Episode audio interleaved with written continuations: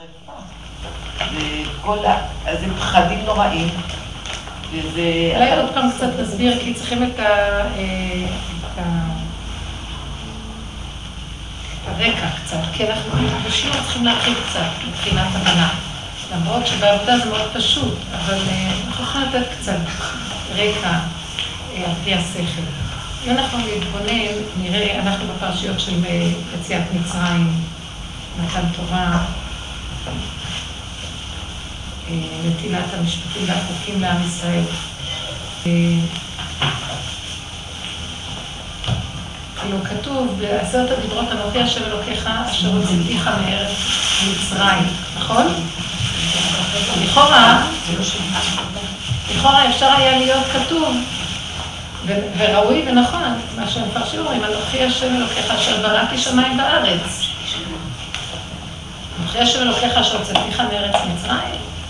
יש, ההגדרה של אנוכי השם זה בראתי שמיים וארץ, אני השם על כל העולמות, אני, זה הזמן שלו להתגלות בהגדרה מי הוא, אז, אז הגדלות שלו בבריאת השמיים והארץ, בזה שהוציא אותנו ממצרים, זה דבר קטן ביחס לבריאת העולמות, ויצירת כל המציאויות, וכל ההצלה של העולמות, דבר הרבה יותר גדול. הנה הזדמנות לו להגיד, אנוכי השם אלוקיך אשר בראתי שמיים וארץ.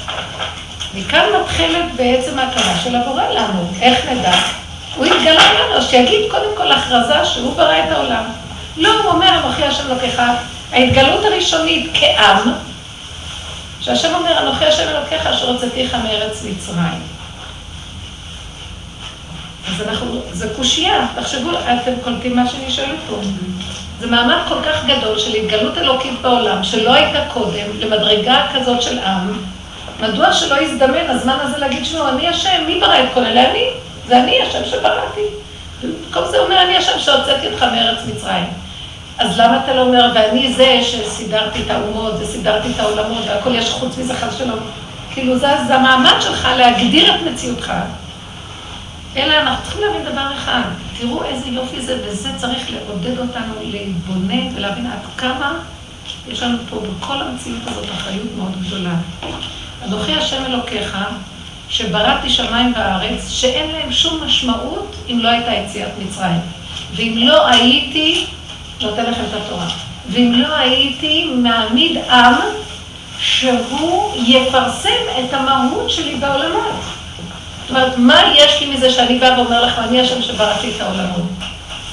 יש לי שאני אומר לכם, אני השם שהוצאתי אתכם, שאני נותן לכם תפקיד, שאני נותן לכם אחריות, שאני מתווה לכם דרך מיוחדת, שאתם תפרסמו שאני השם שבראתי את כל העולמות. הוא כבר בא אלינו במדרגה של בגרות נפשית. לא בא להגיד, אני השם שבראתי, שמעתם? או, כן, כן. זה שבראתי יהיה ניכר מכם. הנה ההוכחה, אני לא בא להגיד, אני בראתי. אני בא להגיד, אתם יצאתם מצרים. אני יוצאת אתכם כדי לפרסם אותי. משמע שהפרסום שלי הוא לא חשוב. הפרסום שלי על ידיכם הוא החשוב. עכשיו, להתבונן בזה, אני אומרת, זה הוכחה בשביל מה אנחנו בכלל בעולם. יופי יופי עלינו, אלוקים אומר שפחדו ממני, אני בראתי את כל העולמות. טוב, הוא לא רוצה ככה. הוא נתן לנו תפקיד. שימו לב איזה אחריות יש לאיש היהודי. תפקיד מאוד מאוד חשוב, שבעצם הוצאת מצרים, הוצאתנו ממצרים, וקבלת התורה, ובתוך האומות, כל הזמן אנחנו באומות רוכשים, לפרסם את המציאות שיש בורא בכל העולמות והוא חי וקיים. אבל גם הגויים יודעים את זה, סליחה. עכשיו רגע. אנחנו יודעים את זה, אחרי מתן תורה עכשיו, אנחנו נהיינו לעם, ואנחנו קיבלנו תורה, ואנחנו יודעים את זה. מאיזה בחינה יודעים את זה? מאיזה בחינה יודעים את זה? מבחינת שקיבלנו דעת, קיבלנו תורה, קיבלנו וידעת ידיעה אמנם בחוש, הידיעה היא לא סתם ידיעה, ראינו מראות אלוקים, החושים באותה שעה שהיה גילוי אלוקי, הייתה גילוי שכינה מכף רגל ועד ראש, שפחה ראתה. זאת אומרת, עד החלקים הכי נמוכים, בחוש ראו שיש השם. אחר כך הוא נעלם והוא נשאר בתורה. במוח, בגדר של הלימוד, בידיעה, בהשגה, בפרשנות, בהבנה, בגדר של עץ הדעת טוב ורע, בשביל לתקן את עץ הדעת ולברר אותו, את הטוב מן הרע. אז אנחנו בידיעה, בבירור, בהבנה, בהשגה, בפרשנות, יודעים שיש השם. ובזה שאנחנו לומדים תורה, וזה שאנחנו אה, מקיימים את המצוות, מפרסמים אותו. אבל לא עד הסוף. לא עד הסוף. אנחנו מפרסמים אותו, ואז היא שאלה שאלה פשוטה נכונה, גם הגויים יודעים שהוא קיים. הם לא מפרסמים אותו, כי הם רק יודעים ידיעה בעלמא, אבל הם לא, בקשר של הידיעה, מכניסים אותו למציאות של מעשה. אבל המעשה אצלנו, גם לנו יש איזו טענה, שאנחנו לא מורידים אותו עד הסוף. למה? כתוב שלפני חטא עץ הדת, עיקר שכינה הייתה בתחתונים. לא שכינה, עיקר שכינה היה בתחתונים. התמצית של השכינה הייתה בתחתונים, בעולמות הכי נמוכים. וגם נשאל שאלה, בשביל מה היה צריך שעיקר שכינה תהיה בתחתונים? כי אנחנו רואים שהתחתונים לא יודעים כלום, הם ישנים, איזה, מה יש לעיקר שכינה שתהיה בתחתונים?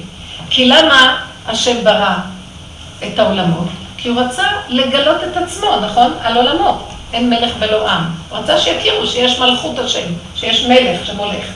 אבל העולמות העליונים מכירים, עולם האצילות, כל כולם זה אלוקות. הם, הם, עולם האצילות זה ביטול לגמרי לרצון האלוקי. אז האלוקות והעולם ביחד נהיו אחדות. עולם הבריאה זה עולם המלאכים והיצירה. זה עולם שרועד, רק שומע היה מקום, כולם, כל האופנים, רעש גדול מתנסים ואומרים, היה מקום כבודו להריצו, כן? כולם מחפשים אותו וכמהים אליו, ורק רוצים להיות איתו בקשר. העולמות האצילות הם שייכים לו, בעולמות הבריאה הם לא שייכים, אבל הם מחפשים אותו, וזה רק מה שיש להם. בעולמות התחתונים של עולמות העשייה, אז אנחנו אומרים, יש לנו אותו בדעת, גם אנחנו בעולם העשייה, הגענו למדרגה של שכלי נבדל גם כן. אנחנו יודעים על השם, ואנחנו מקיימים, ואנחנו מדברים עליו, אבל לא הגענו למצב של דרגה הכי שלמה. להוריד אותו למצב של התחתונים ממש. שגם החלקים הכי נמוכים יכירו אותו. זאת אומרת שברצון האלוקי שתתגלה מלכותו, אז התגלתה מלכותו בעליונים, וב... בוא נגיד, יש מה שנקרא השמיים ושמי השמיים. אז שמי השמיים וגם השמיים, וגם עם ישראל בגדר של הדת בעולם התחתון, אבל עדיין נשאר חלק שאין לו גילוי. נכון? כי אם במידות, בתוואים, ביסודות למטה, אין גילוי השם. אז נגיד, אולי הוא התכוון שרק עד פה יהיה הגילוי, ולמטה, שזה עולם הקליפות. לא יכול להיות שם גילוי, נכון? אז בא כתוב אחר במדרש תנחומה ואומר לנו, התאווה הקדוש ברוך הוא שתהיה לו דירה בתחתונים. זאת אומרת שהקדוש ברוך הוא רוצה לשכון בתחתונים. התאווה מ... ואיך? תאווה. למה לא מצאו ביטוי אחר להגיד שהשם ישכון? תאווה? מה, יפה להגיד מילה התאווה? מה זה הביטוי הזה, התאווה הקדוש ברוך הוא? זאת אומרת שהעולמות התחתונים גם איפה שיש את כל היצרים והתוואים והתאווה של המציאות, גם שם הקדוש ברוך הוא רוצה להתגלות. ובחלק הזה, זה יהיה החלק האחרון של עבודת האדם, להשלים את כוונת היצירה, שיהיה גילוי השם בכל העולמות, ועיקר שכינה תהיה בתחתונים. כי לכאורה נשאלת השאלה, בשביל מה היה צריך שעיקר שכינה תהיה פה. הלוא אף אחד פה לא מכיר אותו, תראו איך נראה העולם, סליחה. בואו, עזבו עכשיו את לומדי התורה ואת המקיימים, את הקומץ הזה. גם אלה שמקיימים לא יודעים אותו לגמרי, כי אנחנו אלה שאנחנו יודעים עליו, מקיימים את מצוותיו, אבל תראו איך אנחנו נראים, מישהו יעליב אותי, אני כועסת על השני. אם חסר לי משהו, אני מתה מפחד ודאגה ליום המחר שלי, מה יהיה? אני צריך לעשות איזה דבר. אני מבוהל, אני כן אצליח, לא אצליח, ואני מנסה לסדר השתדלויות אצל בני אדם, נותן ממשות לאדם, לבני, לכל המציאות של העולם. אני מבוהל ממציאות העולם, שמא לא ימצא חן, אני, אם מישהו אה, לא אוהב אותי, אני מיד מאוים. אז איפה גילוי שכינה פה? אין שכינה, אני האדם השני עכשיו, אני צריך, אני תלוי בו שהוא יחיה אותי. אני תלוי בבידור, אני תלוי בהנאות השונות, בדברים השונים שיסמכו את ליבי. אני לא חי בגילוי שכינה. אז בוא נגיד עד הרובד שהצלחנו בזמן יציאת מצרים קיבלנו תורה, בכל הגלות אנחנו מצליחים לחיות עם השכל, עם הדעת, בבירור שיש השם בעולם. באו לנו, באים לנו תאוות, זורקים אותם הצידה, מתגברים, יש השם לא רוצים. באים לנו כל מיני דברים. אז מה, אז בוא נגיד שאלה אחת, מה קרה לתאוות ששמו אותם בצד? מה קרה לתוואים שדרכו עליהם? שם יש שכינה. לא יכולה להיות גאולה עד שגם שם תהיה שכינה. הלוא הקדוש ברוך הוא רצה שמלכותו בכל משלה, גם בעובדים האלה רוצה גילוי. אז אם כן, הנה העבודה של רב אושר. כל עבודתו של רב אושר מצמצמת את כל המציאות. היא לא מדברת על ספרים ועל דת ועל פרשנות ותורה וכל זה, היא מדברת על התוואים. איך אני אתמודד מול הטבע שלי ואמליך את השם שם, במקום לתת לדמיון שמולך בטבע, לשים שם את השם שימלוך על הטבע. הבנתם? אני עכשיו ממליכה את הדמיון. אני מפחדת, ואז את הפחד הזה, טוב, אם אני אתחנף אליו, אז הוא יאהב אותי, אז לא יהיה לי פחד. אה, איזה רווחה יש לנו, כשאנחנו גואלים איזה משהו, הולכים למישהו, אומר לו, אל תדאג, אני אסדר לך. למה אני באותו רגע לא לוקח את הפחד וצועק, פחד אליך, פחד אליך, אין פחד, אין כלום. אבל זה אתה סובבת את כל הסיפור הזה, כי אתה רוצה את הפחד אליך, אתה בראת אותו ואתה תמלוך עליו. מה עשיתי עכשיו? המלכתי את השם במקום זה, אני ממליך את הטבע בדרך כלל. הנה כל העבודה של רבו שם מצטמצמת. עוד פעם לזכור דבר אחד. זה המהלך האחרון לקראת הגאולה. בלי החלק הזה לא יכולה להיות גאולה. כי כביכול, בוא, בוא נגיד עוד פעם, כל כוונת היצירה שעלה ברצונו הפשוט, מה שאפשר בכלל להבין בשכל אדם, שהוא רוצה להתגלות בעולמו, אין מלך ולא עם. קודם היה בתוך עצמו, לא... הוא המדע, הוא היודע, הוא, הוא הדעת, הוא הכל, לא ניכר כלום. עלה ברצונו שיהיה ניכר, שהוא יהיה ניכר, כן, הוא רוצה להתגלות. אז הוא צריך להבדיל את עצמו ולברוא עולם. אז מרגע שהוא הבדיל וברא, עכשיו צריך שיכירו אותו. אז עולם האצילות וכל העולמות הגבוהים התבטלו בפניו. לגמרי, והכלים, והוא נהיה אחד. למרות שהעולם האצילות הוא גם עולם נאצל, הוא גם כלי, אבל הכלי כל כך התבטל בפני האור, שהאור והכלי נהיה אחד. עולם הבריאה זה עולם השכל הנבדל הגבוה, עולם המלאכים בדרגות פה. אז יש להם דעת של השם, הם אמנם עוד לא התקללו איתו, יש להם רק רצון להתקלל. הם עוד לא הגיעו לדרגת ביסול לגמרי, כי הם שכלים נבדלים. השכל חזק. ידיעה של השם חזקה יותר מהמהות. אז יש אבל ידיעה גדולה, וזה מביא אותם, זה כמו שאנחנו נגיד, הצדקות. מביאה את הבן אדם לרצון להתקלל, אבל הוא לא ממש, הוא רק עוד ברצון של עצמו. ויש את העולמות של עם ישראל שקיבלו תורה, שזה טבע, שהמליכו על הדעת את הבורא עולם. במקרה הטוב תלמידי חכמים, בעלי דעת תורה, וכן המקיימים למיניהם הכל. אבל נשאר עוד רובד, שזה החלקים הנמוכים, ששמה לא המלכנו את השם. אז בוא נשאר שם, אולי שם הוא לא צריך להתגלות, די, עד פה הוא התכוון איפה? בקליפות שהוא יתגלה, איך? סכנה, כולם פוחדים מהקליפות ובורחים, לא? כולם מפחדים מהמקומות הנמוכים. השם אומר, מי אלה שירדו לי למקומות האלה וישלימו? מניין לנו? כי כתוב, התאווה הקדוש ברוך הוא שתהיה לו דירה בתחתונים, ועיקר שכינה בתחתונים. זאת אומרת, יש עוד חלק תחתון שהוא לא, לא הצלחנו לגלות אותו שם. ההפך, גם בתורת ישראל אנחנו מפחדים מהרע ובורחים. אנחנו לא רוצים להיות שם. כי כשאנחנו שומעים את הדרך הזאת, אנחנו אומרים, אה, זה כאילו, טוב, זה כאילו, לפנים משורת הדין, יש דין, יש יהדות, וזה כבר יותר מדי, לא נתבקשנו יותר מדי. נכון?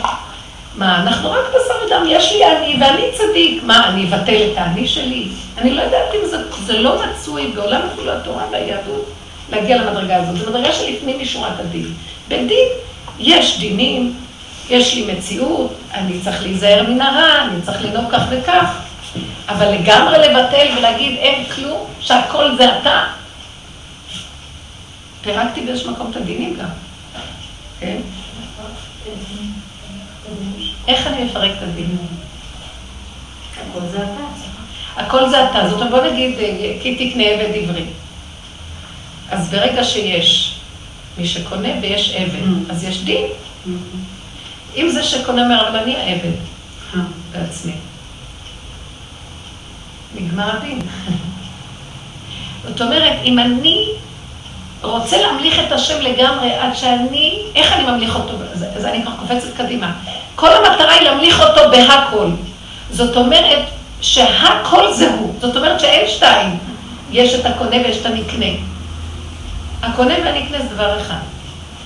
מה זאת אומרת? זה שהוא עבד ויכיר את השם, זה שקונה את העבד יכיר של השם. נגמר עבד ועובד. נשאר רק השם. מי מוכן למקום הזה? ברגע שנכנסים למקום הזה כבר אין דין של עבד עברי.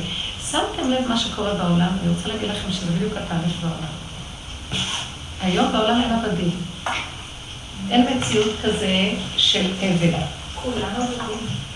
ובכל העולמות יש נטייה, בכל העולם, העולם שאנחנו מכירים יש נטייה להשתוות הצורה. כולם זכאים לחופש, הנה עכשיו יש מרידה מאוד גדולה בארצות האסלאם, שאני שומעת, שמעתם?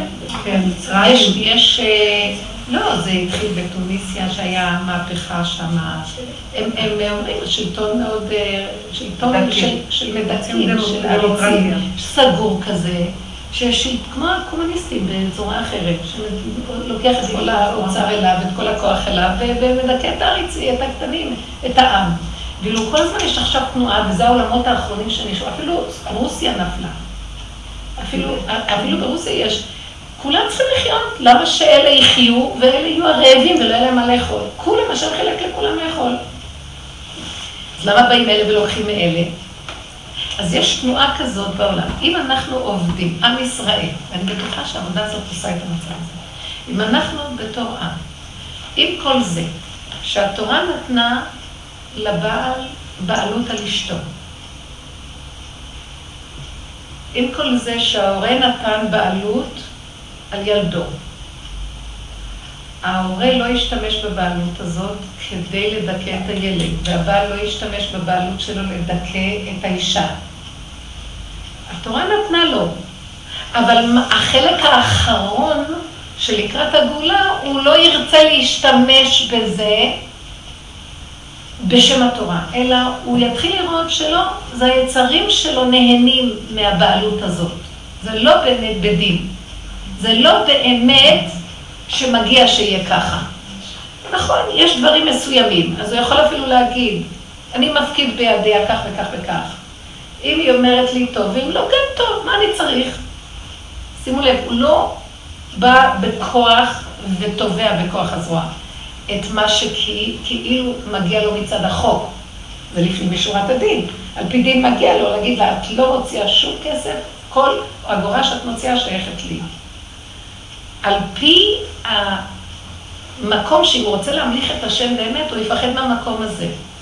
הוא יגיד, גם היא מציאות, שבוא נלך במציאות של להיכנע למלכותו יתברך ולתת לתת לה חיות מצד שהקדוש ברוך הוא נותן. למה אני צריך להיות, אני לא באמת עושה, אה, אבל התורה אומרת לי מותר לי, לא, אבל אתה לא בגלל שהתורה אומרת לך אתה עושה. כי כשאדם עושה, כשהתורה אומרת לו, הוא צריך לעשות כמי שכבר עושה. כי באמת, באמת, אתה בא מצד ההתלהבות.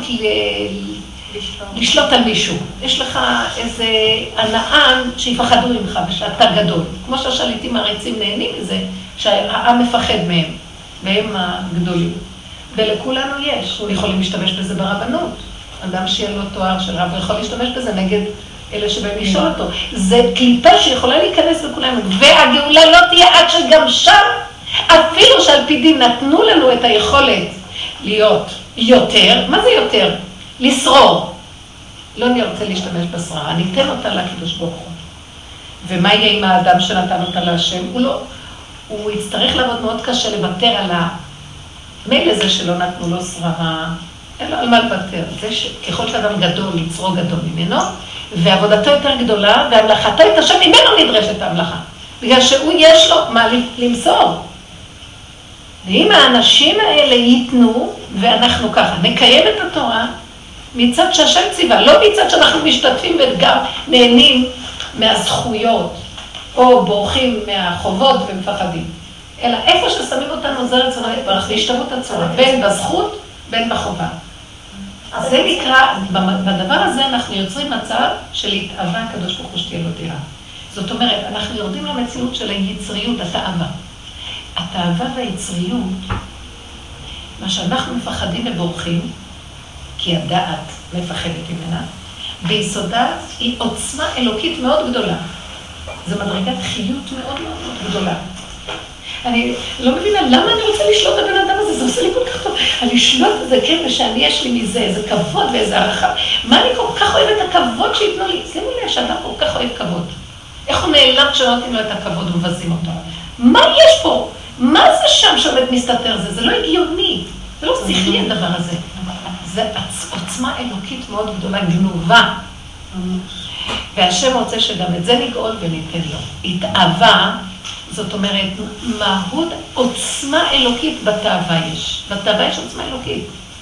ביצריות יש, יש את סוד אלוקי מאוד גדול. עכשיו, הדעת אומרת לנו, לא, נברח. אבל באמת, אם ניכנס פנימה, נתבונן בה, וצריך אומץ בשביל זה. לפרק אותה ולהגיד, זה כוח אלוקי אדיר, זה מתאים לך. כי אם אתה משאיר את זה לי, אני אשתמש בזה לא נכון. מי מוכן להיכנס למקום הזה ולפרק את הנקודה? זה מתחיל. מי מוכן להיכנס לתאווה ולפרק אותה? אז אני אומרת ככה, אנחנו לא רוצים להיכנס, זה, זה מסוכן, אנחנו יכולים ליפול גם בתאווה, אנחנו יכולים ליפול ביצריות. העבודה האחרונה היא עבודה מאוד לא פשוטה, ולא נוכל להיגע בלי להיכנס בה.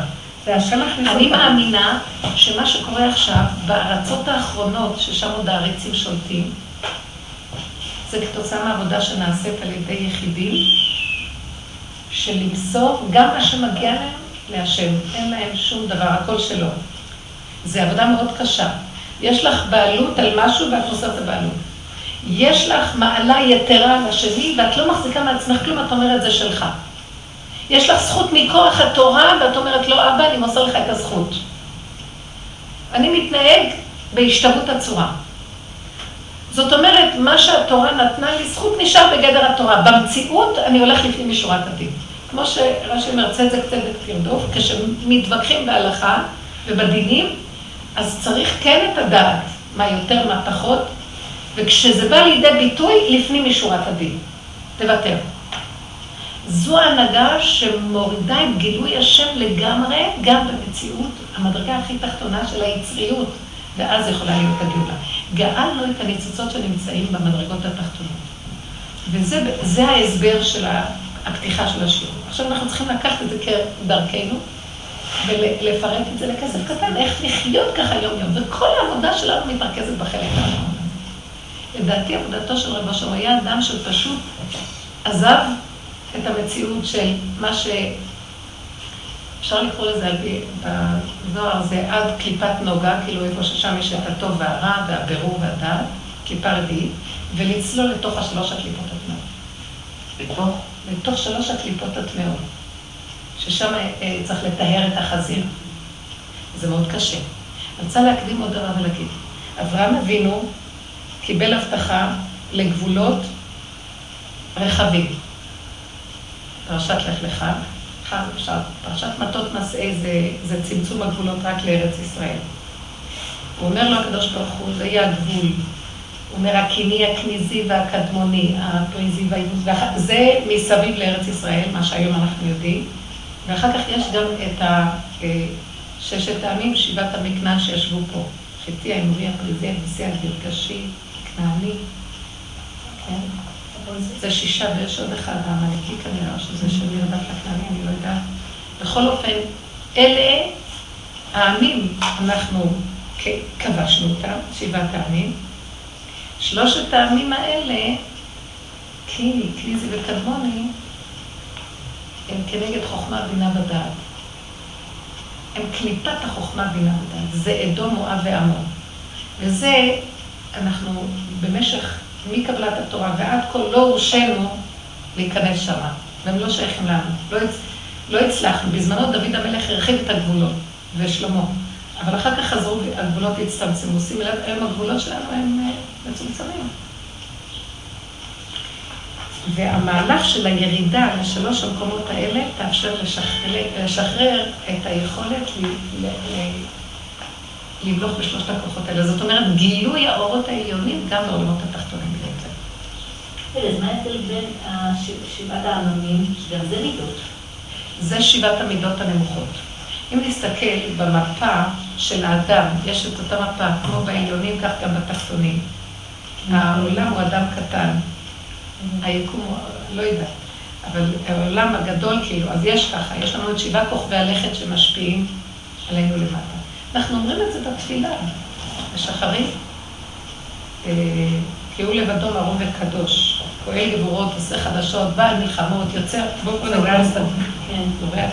בוא נגיד את זה, ואז זה חז"ל אמרו בגמרא, שזה ככה. הנה.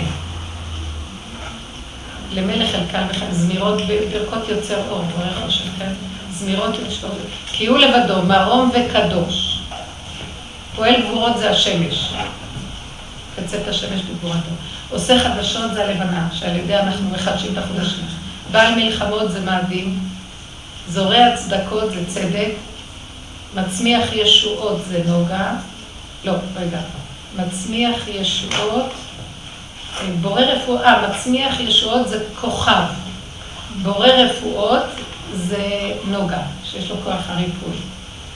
נורא תהילות זה הכוכבים העליונות, העליונים, אבל הוא לא, נורא תהילות באדון הנפלאות. אה, יש שמעתי שאומר נורא תהילות, שזה שבתאי, אדון הנפלאות, מעבר לזה שזה כאילו אה, עמידה שכבר מתחילה להיות משלושת הכוכבים הגבוהים שהם משפיעים. כאילו הפלא, פלא, מפליא לעשות, משהו העליון יותר. אז זה כאילו, אה, בוא נגיד, יש, אה, אני לא יודעת בעברית איך קוראים, אין, אין לזה שם אני חושבת, אבל בלשון הלועזי אומרים אה, אורנוס, נפטון ופלוטו. יש שלושה כוכבים גבוהים שאינם נראים בעין בלתי מזוין. לא, מרקורי זה החלק הלמטה, זה הכוכב. ואחד זה, זה ה... אה, עושה, עושה ישועות. זה מידת ההוד. ובורא רפואות זה הנצח. בכוונה יש את ה... אה, בוא נגיד, אה, יש את המקביל לזה, גבורות זה מעביד, חסד זה זורע צדקות, כן, וכן הלאה. זה, זה מקביל. אז בכל אופן הוא מראה לנו, כאן זה השבע, זה השבעה שלמטה. חוץ מזה יש את השלוש שלמעלה. השלוש האלה הם הגבולות הרחבים שהובטחו לאברהם אבינו לעתיד לבוא. עד הנהר, שהגבול יהיה רחב עד הנהר, נהר פרת, עד הצפון שמה, שזה האזור של הכניזי וקדמוני. וכל המהלך הזה רק אפשרי על ידי הירידה למקום הזה של התוואים ולעבוד נכון איתם מול בורא עכשיו זה מאוד קשה. בפועל, כשאנחנו מדברים, בואו נרד לתוואים האלה. זה מאוד קשה. קודם כל, שאת רואה את עצמך כועסת, הדעת לא... למה יש לך כאבים מזה ש... שאת רואה את עצמך מבוהלת? במקרה הטוב, כי אנחנו בדרך כלל מצדיקים שאנחנו מבוהלים ומאשימים את השני. בוא נגיד פעם, אנחנו לא מאשימים את השני, אנחנו כבר רוצים לראות שלנו יש בעיה. זה התהליך איך להתחיל לגלות את השם בתוך יסוד התוואים, בהתאווה, הקדוש ברוך הוא. אז איך? אם אני אאשים את השני, אני חוזרת עוד פעם למקום של הגילוי שלו בדעת, כן? כמו השכליים הנבדלים, המלאכים מכירים אותו, אבל אני בתור אדם צריך להוריד אותו למדרגה הכי נמוכה, מה שהמלאכים לא יכולים. אם לא יהיו כאלה שירדו למקום הזה, אז לא יכולה להיות מושלמת כוונת היצירה. שיתאווה הקדוש ברוך הוא ששמה יהיה לו גילוי. אז איפה? במקומות של היצריות. עכשיו, באופן טבעי, הדת לא סובלת יצריות. השכלי הנבדל לא סובל בהמה. בואו נגיד במילים שלנו, של הדרך. השכלי הנבדל לא סובל בהמה. אז דבר ראשון, כשאת רואה משהו לא בסדר, מה את עושה? הוא, הוא, זה הוא, זה הוא, זה הוא, זה הוא, זה הם. את לא יכולה לקחת אחריות, כואב לך. במדרגה היותר של עבודה פנימית, שאת באמת מבינה שאת חייבת לעשות עבודה, אין לך ברירה, כי תמותי מכאבים. מה גם שכשאת אומרת לשני זה אתה, הוא מחזיר לך ואין לזה סוף מחלקות ושנאת חינם. אז עוצרים את המקום הזה ואומרים, לא, זה אני. מודה. אבל יש לי כאבים מזה שזה. עדיין הדעת השכלי הנבדל מציץ, כי איך נעבוד ונודה שזה אני אם הדעת שלי תהיה סגורה? שימו לב, זה קשה, זה ניתוח מאוד קשה, כי הדת היא זה שמכירה את העבודה. אני בדת מבדילה. אני אומרת לו, זה, זה, זה, זה, זה שכלי נבדל, זה הבהמה. עכשיו אני צריך להזדהות עם הבהמה, תמעיטי את עצמך למצב של בהמה ותסכימי. מאיפה אני אראה שאני בהמה וזה אם לא על ידי הדת? אבל ברגע שהדת יודעת, היא מכאיבה לי. שימו לב איזה קשה זה, אתם מבינות? אז בוא נגיד, נסגור את המוח. נסגור את המוח ונסכים, השלב הבא, לגמרי, בהמה מסכימה. כי אם מנחים את המוח, את צריכה את המוח לשנייה אחת כדי להבדיל. בלי ההתרגשות של ההבדלה. אתם מבינות מה קורה? אנחנו מבדילים ומתרגשים, כי הדעת אחת. לא, זה כאילו תציצי עם הדעת במינימום של ההצצה, תגדירי ושלום, תסכימי. אז כבר הכאבים מתמעטים. אחרי כמה זמן את נכנסת עוד יותר למצב הזה שאת נכנסת, נכון, זה אני, זה אני, זה אני, לאט לאט את אומרת, את הופכת להיות ביחד במחנה של הבהמה. אמרה לי איזה אישה, עכשיו אני אגדיר, אני אסביר לכם, במחנה של הבהמה. זאת אומרת, את יותר ויותר מצדיקה את המציאות של הבהמה. נכון, זה לא מצדיקה, כאילו מסכימים, נו, זה מה שאני. בעולם יראו את זה כשפלות, או יש לה ענווה, או משהו כזה. את נכנסת בפנים, את בפנים.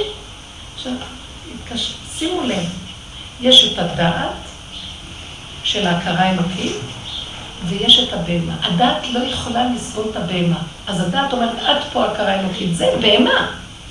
בא ראש אומר, אבל הבהמה חייבת גם להכיר את האלוקות, כי אם לא, אז לא יכולה להיות גאולה.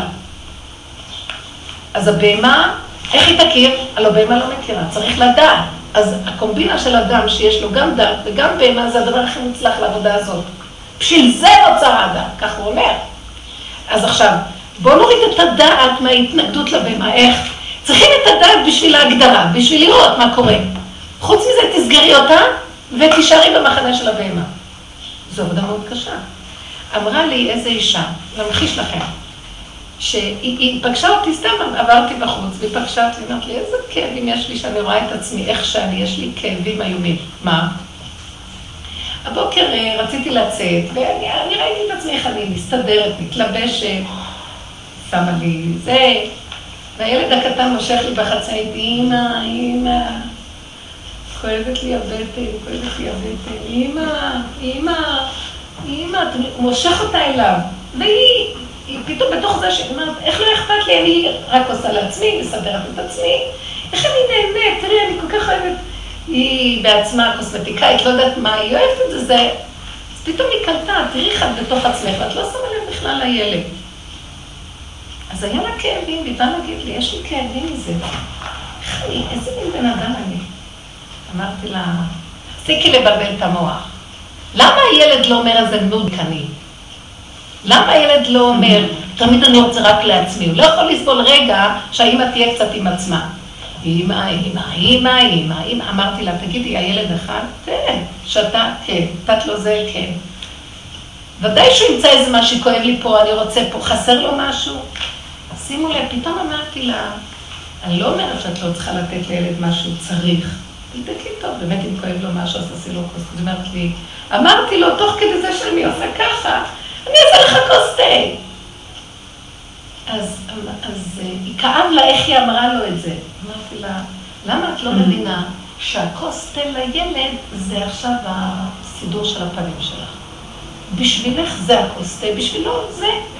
למה את מפחיתה מהערך שלך? ואת כאובה מזה שאת לא מסרת לו את כל כולך. מאיפה בא הדבר הזה? שקר. צריך לתת להם מה שצריך, וגם לך יש רגע שאת רוצה לתת לעצמך. למה את מרגישה רע מזה? זה אני לא מסכימה לך, אמרתי לה. תני לו את הכוס תה, ותני גם לך. ורק אל תרגישי את האיסורים עצמם, זה שטן, אמרתי לה. לעבודה של האמת, את עוד פעם עולה לדעת, והוא ימשוך אותך. כאילו, זה לא ככה, זה לא טוב. אמרתי לה, לא, אם השם בערה בעולמו יופי, וצורך לאסתטיקה, ומתיקות וערבות שיש לך מזה, וזה מחיה אותך, זה גם הוא, זה הוא, רק כשאת עושה את זה, תגידי, אבל זה אתה איזה מתיקות. אם אתה פה, ואתה פה, זה אתה פה, וגם אתה פה, למה אתה לא פה ואתה פה? אמרתי לה, אל תזוזי מזה, תני לו מה שהוא צריך, אבל גם אל תרדי עצמך, שאת, זה דרגה נמוכה, זה לא דרגה נמוכה. נמליך אותו בכל. כי אם לא נמליך אותו בכל, תראו מה שיקרה, הקליפה תתגבר והיא תמשוך את העולם ליופי ולביגוד בצורה משוגעת. למה? זה כמו ילד קטן שרוצה ובלי סוף הוא לא מנדנד. אם לא ניתן לקדוש ברוך הוא את ההכרה שנמצא גם בזה וגם בזה וגם בזה, יתגברו אומות העולם עלינו במצב של המודה. תראו איך האופנה איך מתגברת, ואיך היופי, תעשיית היופי מתגבר, שזה מראה שכמו איזה ילד שאין לו תשומת לב, אז הוא דווקא, דווקא, דווקא. נותנים לו, השם, גם זה אתה, בזה אתה תודה, בזה אתה תודה, איזון. אתה נמצא בכל, נגמר.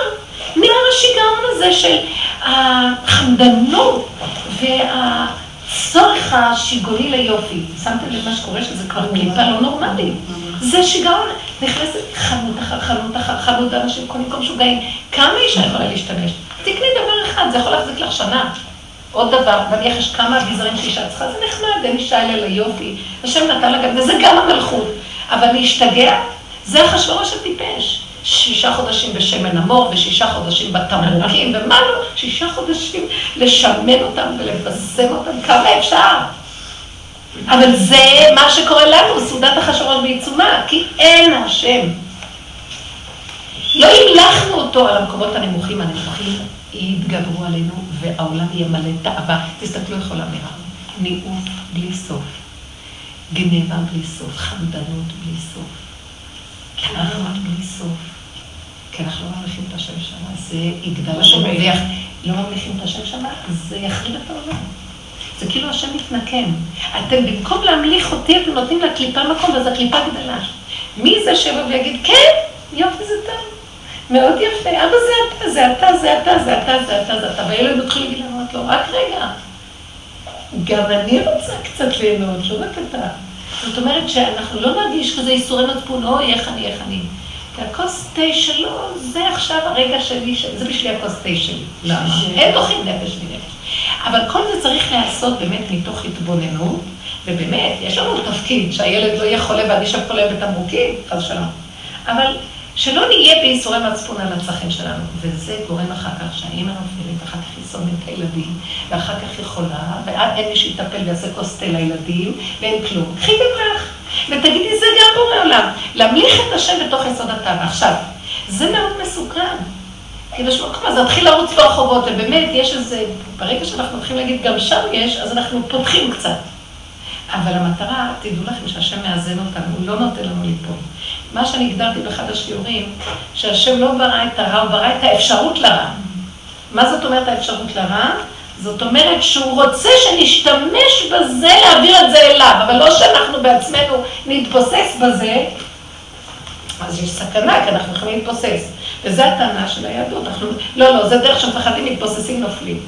לא, נהיה שם ותלמדו אותנו ונדריך את העולם ואת העם וככה נעבוד, כן, נלמד עוד פעם, עוד פעם. לא צריך לברוח או ימינה או שמאלה, או התכסות, התכסות, כל השארים, כל הזה כמו משוגעים עם הצניעות, או ללכת בהפקרות כמו משוגעים. זה לא טוב, זה בריחה מהפחד. לא, פחד אליך, צורך אליך, יצריות אליך, אני רואה אותה, אני נכנס, נכנס, אבל אני בחוזק איתך, כי אין לי לאן ללכת. כי אתה לא, אני לא רוצה ליפול בתוך השקרים האלה. אני לא רוצה להתכסות כמו משוגעת. אני גם לא רוצה להיות בהפקרות. וזה ההלכה היא עיקר האמצע, ישרות. מה אתה עושים? מה אתה עושים? לא יודע איך מה שהתורה עשרה. חוץ מזה גם אל תפתח יותר מדי. אז אם פותחים, הפתיחה צריכה להיות בתוך הנפש והאדם עם עצמו, לא בגוף. קצת לפעמים למי שחנוק זה טוב לפתוח בגוף, זה קצת נותן לו קצת אפשרות לפתוח בנפש, כי הוא חנוק מאוד חזק בחוץ. אבל זה על מנת להשתמש בזה, כאילו עת לעשות, להשם הפרו כדי להיכנס לתוך העבודה פנימה. אבל לא כדי להיזרק בחוץ. אז אם יש סכנה, אז נצעק להשם, אבל זו העבודה האחרונה. כי אם לא, הסכנה היא פי אלף יותר גדולה. ליפול בשקר של צדקות וכיסויים זה הרבה יותר גרוע. זה עבודה זרה ממש, אנשים חושבים שהם צדיקים, והולכים עם כל הכיסויים וכבר שכחו את השם, והם כל הזמן מציצים אם הם באמת יותר מהעולם, והעולם פחות מהם. אולי תשכח את עצמך ותמליך את השם. איך? של עם קישוטים. זה הפך להיות מוזר. הם לא שמים לב שזה עוד מדרגה של גניבה בטבע מצד הצדקות. שיש במקום הדעת של, של, שהשם נתן לנו תורה, הוא רצה את הבירור בדעת. אבל כמה אפשר עוד לברר? נמשיך לנבור בבירורים ונתרחב בהם. אנחנו מכניסים, מכניסים את השטן שם, בסוף גם תורה לא תהיה. יישאר אל-קאעידה, אני לא יודעת מה יהיה פה. זה ייראה כמו איזה דת אה, מוסלמית, אני לא יודעת מה, חס וחלילה. זה מה שיפה בקו התורה הישר. בהלכה, לפי הסיבות והזמנים של החכמים, מתירים לנו מה שאנחנו יכולים ללכת, אז הולכים. לחפש להיות כמו האימהות. מה שעשו האימהות, זה האימהות, מה שאנחנו... אבל איך, ההפך, הוא לא רוצה כמו האימהות. הוא רוצה שכמו בדור הזה, איך נקיים את התורה. לפי הצרכים והמציאות של כל דבר ודבר. וזה גדלות של החכמים להראות, להתוות לנו את הדרך. ואנחנו אנחנו משתתפים את החכמים. בסוף האנשים ישפיעו גם על השכל של החכמים. והחכמים גם תספר חוכמתם, והנבונים גם תספר חוכמתם. ואני סיפר שאחד חבר שלו, אני לא יודעת מה, הוא ראה את ה... איך שהם הולכים ככה, אז הוא לא מדבר עם נשים וזה, אבל הוא לא יכל, הוא אמר לו, תגידי, את ערבייה? זה מפחיד. הנקודה היא, הנקודה היא להבין את העיקרון, לא נלך על אנשים פה. בואו נבין את העיקרון. כי ברגע שאני גם, כשאני אה, צוחקת על זה, אני גם אומרת, זרי לך בסכנה. נכון. כי את יכולה גם לעשות דבר אחר, בכיוון אחר, בהפקרות, ואת לא תשימי. נכון. אז אני כל הזמן צריכה לחיות את הסכנה, לא להסתכל על אחרים. אם אני מסתכלת זה כדי לתת לעצמי, זה הכרה, זה לא איזון, זה לא איזון, זה מושך, כנסי באיזון, תעבדי עם הנקודה, תחברי אותה לבורא עולם. עכשיו המלכת אותו ביצריות, של מה? של הצדקות, של התאווה כביכול. או ברצון למשהו של הפקרות, להוציא החוצה, החוצה, לא רוצים להפנים. אז אני חיה בין לבין, שם אני צועקת להשם. זו המדרגה הכי גבוהה. זה המדרגה הכי גבוהה. אני מזמנת, זה הכי גבוהה, לא יודעת את הגבול, אנחנו גם לא צריכים לדעת את הגבול. כן.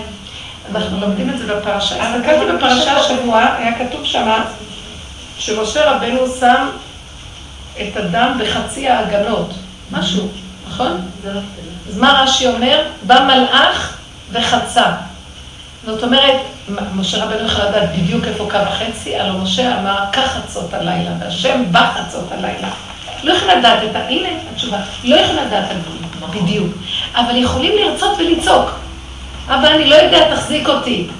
הוא יבוא ויסדר את החצי. אני לא צריכה לדעת, אני צריכה להילחם על, הק... על הבין, על הבין, בינתיים. על הבין זה לבין זה.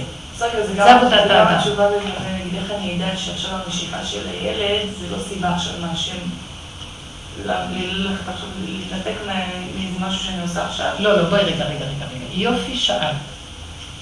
אם אני נמצאת בדיוק של העבודה, כי מה אני עושה? בגסות של העבודה אני אומרת, ההוא אמר, אה, זה סיבה מהשם, ההוא אמר, דה, זה סיבה מהשם, הוא עשה ככה, זה סיבה מהשם. לא, זה סיבה להביא אותי לבירור הדק. זה סיבה להביא אותי לעבודה. לא שהשם, איפה אני יודעת מה השם? אני יודעת מה אני. עכשיו אני אומרת, רגע, רגע, רגע. עכשיו, מאיפה אני יודעת שהוא לא אומר לי, די, תפסיקי כבר לעשות ככה? הוא מתכוון, תפסיקי לקחת את זה כמציאות ולהשתמש בזה לי. מה השם רוצה שאני לא אשים? הוא רוצה שאני אשים לכבודו. הוא לא אומר לי, אל תשימי, הילד רוצה כוס תה, כוס תה יותר טוב מה שתשימי. לא.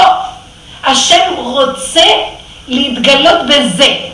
והוא רוצה שתעשי לו כוס תה, שיתגלה בזה. הוא רוצה בכל דבר להתגלות. אז למה שיתגלה בזה ולא בזה? את צריכה לשקול, כי לפעמים כן, לפעמים את אומרת, הגזמתי. אני לא אכפת לי מכלום, רק מזה, כמה אני שמה על היופי. ובאמת יכול להיות שהיא באה להגיד לי, אני שמה יותר... מדי... השם עכשיו מעכב אותך. את מתעכבת עכשיו לרוץ, לעשות איזה משהו, את רץ, מתארגנת את זה פתאום, יש לך עיכובים. עכשיו אני רוצה לשאול אתכם, להגיד לכם דבר דק. זה שיש לך מחשבה כזה, השם עכשיו עוצר אותי, זה דבר אחד. זה, אני לא יכולה להיכנס במה השם, אני יכולה להיכנס, מה עכשיו אני יכולה לעשות בזה. השם עצר אותי, ועכשיו מה אני? אני נעצרת, השם עצר אותי, טוב, עכשיו מה? אה, זה יותר טוב מזה. לא, אני צריכה להיכנס בדקות, מה אני בתוך זה צריך לעשות? תמיד השם נותן את הקו. עכשיו, מה אני אעשה בזה? אני חוזרת ואומרת, לא, אבא זה אתה, למה הוא עצר אותי? כי הוא לא היה שם. לא כי אני צריכה להפסיק את הפעולה, כי לא שמתי אותו בפעולה. כי מה אכפת לו נעשה פעולה כזאת או פעולה כזאת, אם הוא נמצא בפעולות. אין אצלו הבדל. הכוס והליפסטיק, מה זה חשוב? זהו, חי וקיים בתוך העולמות. אם המלכתי אותו, נגמר. עכשיו הוא כבר יניח לי, התאווה ליופי, תראי, המלכתי אותו, הוא מתגלה. עכשיו תלכי לעשות את הכוס בנחת. אה, טוב, אני אעשה לך כך. ואת חוזרת לראי, מה? אתם שמות לב איך אנחנו נראות בהם? כי לא המלכנו אותו, כשממליכים את השם יש רגיעות. יש רגיעות, יש השלמה שלו, הכל טוב, הכל במקום, הכל במידה המדויקת והמדויקת. זה הנקודה. עכשיו, כשהילד עוצר אותי, באמת השם אמר לו לעצור אותי, למה? זה השם אמר. אני נשארת בהשם. הדת גונב את השם, השם, אה, השם אמר לי. ומה את כאדם צריכה לעשות עכשיו? ולא אדם האדם שבודק בדרגות שאנחנו עובדים. לדייק במדידה. אני עושה את הפעולה, זה לא הפעולה, אני לא. אמרתי לך, אבא תרחם עליי שכל פעולה שאני אעשה אתה תהיה שם, כי מה חשוב כל הפעולות האלה אם אתה לא נמצא? ובייחוד לקראת הסוף, שאנחנו מלאים בפעולות, מלאים ביצריות, אפילו כל הפעולות שלנו, אפילו פעולות שאנחנו כאילו בשם התורה הולכים והמצווה, הן מלאות יצריות. שקר. חסד, עשייה, אה, כותל, תפילות. אני, אני, אני ישר רואה, אני בסכנה איומה, לא רוצה. זה המוניות שנושכת, לא רוצה. הפוך. אפשר היית מפזר, תיכנס, אפשר תכנסו תפזר. מרגישה שאני לא רוצה, לא. למה? כי אני צריכה כל פעולה לעשות בדיוק, אתה נמצא, נמצא. אם אתה נמצא, מה אכפת לי עכשיו מה עשיתי ואיפה אני? אני יכולה להיות בהונולונות במלאכת השם. אני יכולה להיות בכותל, והגדלות והגאווה, והמסכנות, והרחמנות העצמית עוטפים אותי. אני לא אומרת, השכינה במקום עוזר לי, אבל אני לא משתמשת בעזרה נכון, אני גונבת אותה לגדלות שלי גם כן. שלפעמים את רואה שגם השם יסגור גם את זה. כי אנחנו משתמשים בזה נכון. אם לוקחים את זה לג'וגינג ולספורט, אם זה יכול... למשל, אני אומרת, אני אלך לכותל, אבל בתור לעשות הליכה. אז האם... אה, צריכה. הבנת מה אני מתכוונת? לג'וגינג. לא, גם לא טוב. גם לא טוב? בטח, כי זה חילול הקודש. אני אלך לכותל, לנצל את הכותל להליכה. אז אני יכולה לומר, ריבונו של עולם. ואם זה המציאות, כל... יש כאן אחרים. זה המציאות שלי. אז אני אומרת לו, ריבונו של עולם, המוח שלי מבדיל שיש כותל ויש הליכה. ואם אני ממליכה אותך, אתה בהליכה, כבר אני בכותל. אם אני איתך בהליכה, מה את עושה? הולכת. את חיה איתו. כל פעם שאת רואה בדרך כלל מושך אותך בטבע, את מחזירה מהטבלה, וזה אתה. כל הזמן ערנות של להמליך אותו בכל דבר, את כבר בכותל. מה את עושה בכותל? אבא זה אתה. הולכת לשכינה, שם זה דבר. אז תמליכי את השכינה בהליכה, וכשאת מגיעה לכותל, אז מדרגת השכינה תהיה גלויה יותר. מבינה מה? אה, פשוט אני לא רוצה ללכת מתוך הצדקות לכותל, כאילו. יפה, אז יפה, היא אומרת דבר מאוד יפה. אה, מה היא אומרת? בגלל שהאמת שלה שלה. לרוץ לכותל, כן. אז היא החליטה, לא. אני לא הולכת, יפה, כאילו נלחמת בטבע של הצדקות וממליכה את המקום הזה של אה, הטבע. אתה נמצא בהליכה גם כן, יפה מאוד, ולא בדמיון של... וכל אחד בנקודה שלו. העיקר זה להמליך אותו. העיקר זה להמליך אותו ובתנועות הכי קטנות והכי פשוטות. כי מלכותו בכל מה שעליו, וזה התהליך שמביא את הגדולה. ואני רואה דבר מעניין, באמת, שאנחנו עובדים ככה, להביא אותו בהשתוות, אין גדול, קטן. הוא נמצא גם בהליכה וגם בכותל, הוא נמצא בכל מקום. ועשו לי מקדש ששכנתי בתוכם. שימו לב, מתי זה נאמר? כשהקדוש ברוך הוא אה, אומר, שמשה רבנו מקים את המשכן, ועשו לי מקדש ושכנתי בתוכם, ועשו לי מקדש ושכנתי בתוכו, של המשכן שעכשיו עשו. כי באמת, השראה, משה רבנו הקים את המשכן, חז"ל אמרו, אז הוא הוריד עכשיו את הכוונה, הוא הוריד, כמו שכתוב שכשחטא האדם הראשון, שכינה ששרתה בתחתונים עלתה. בא אברהם אבינו הוריד אותה, בא יצחק אבינו הוריד אותה, עוד רקיע, בא יעקב הוריד אותה, משה רבנו הוריד אותה עד למטה. איך? ביום הקים את המשכן. המשכן עצמו הכין את השכינה, פה. עכשיו, אז תגיד, ועשו לי משכן, ושכנתי בתוך המשכן. אומר, אתם רואים את המשכן? ורב אושר תמיד אומר, אתם רואים את הקרבת הקורבנות? ככה תעשו בפנים. אתם רואים את המשכן? תעשו גם משכן בפנים. את רואה את ההליכה? תעשי אותה לכבוד השם. את רואה את זה? תמליכו את השם בכל דבר. אז יש הוראה מפורשת, ועשו לי משכן, ושכנתי בתוכה. מזה תיקחו לעשות את זה, כי זה המטרה, שהשכינה תתגלה לא רק בבית המקדש. אדם בא לבית המקדש, מקבל חיות, מקריב קורבן, חוזר. בדרך הוא כבר יכול לעשות, תקריב שם קורבן. בנפש. בבית תכניס שכינה. בנפש זה לא מקום של מקדש שהשם, יש לו רק מקום אחד בירושלים, אסור לבנות בפועל במקום אחר. אבל בבית יש לך שכינה. וזו המטרה, תש, תכניס אותי מהמקום הזה, אני, אם אתה לוקח אותי, אני מתרחב בכל העולמות, בהליכה, בשבתך בביתך, בלכתך בדרך, שוכבך ומקומך. אז בעצם השכינה היא בכל דבר. כי לפעמים אני מורידה את השכינה ואני מקימה את השכינה, אז איך אני גם מקימה אותה וגם מורידה אותה. כשמורידים את השכינה למקום של כאילו... שאלה מאוד טובה. יש את השכינה למעלה, שזה בהכרה, ויש שכינה ששוכבת למטה, כביכול בגלות, שאנחנו דורכים עליה ואנחנו לא רואים מה. זאת אומרת, בתוך התמרוקים יש שכינה. כי אחרת, מה זה כל כך מושך שם? נכון או לא? אבל החלק העליון אומר, לא, זה לא זה. עכשיו, אז אני מוריד את הדעת הזאת, ואיתה מין מושך את מינו. זה כאילו, את שמה דבר, נמשך הדבר אליו. אז אני אצעוד ששם נמשך גם. אז שני החלקים, ייחוד חוד שם רכוש. אני צריכה את ההכרה הזאת, שזה הדיבור והדעת שאנחנו מדברים עכשיו. במעשה בפועל, אנחנו לא עוד עובדים שם, אוחזים. במקרה לידינו, נזכרנו בשכינה הזאת, זה השכינה של העליונים שהם מכירים שיש השם בדעת, ומחבר אותי להעלות את השכינה זה אומר שאפשר. להשתמש בחטא של אה, עץ ועל זה אמרו, אה, ואנוכי אעלך גם עלו. פעמיים עלייה. אז הירידה הזאת, זה, זה עלייה מסוימת, שאני מעלה את הנקודה שלי להתעוררות והכרה, שזה המצב של יציאת מצרים, עזרה לנו להגיע להכרה שיש השם בעולם, אנחנו צריכים לפרסם אותו. אז אנחנו נפרסם אותו בדיבורים, בפרשנויות, בהבנות. אנחנו מגלים אותו במושגים, זה אבל כשזה בא לפועל ממש, למה התמרוקים לא וזה כן? אז אני אומר, עכשיו את זה אני לוקח, להוריד אותו יותר למטה, לשעתו זה נראה מנמיך אותו כאילו. ירידה לצורך העניין. ירידה לצ... ואנוכי אליך גם הלא. אני מעלה אחר כך גם את הניצוץ החבוי שנמצא שם למטה, שבלעדיו לא יכולה להיות גאולה. כי זה חלק אלוקי שחייב גם כן לעלות.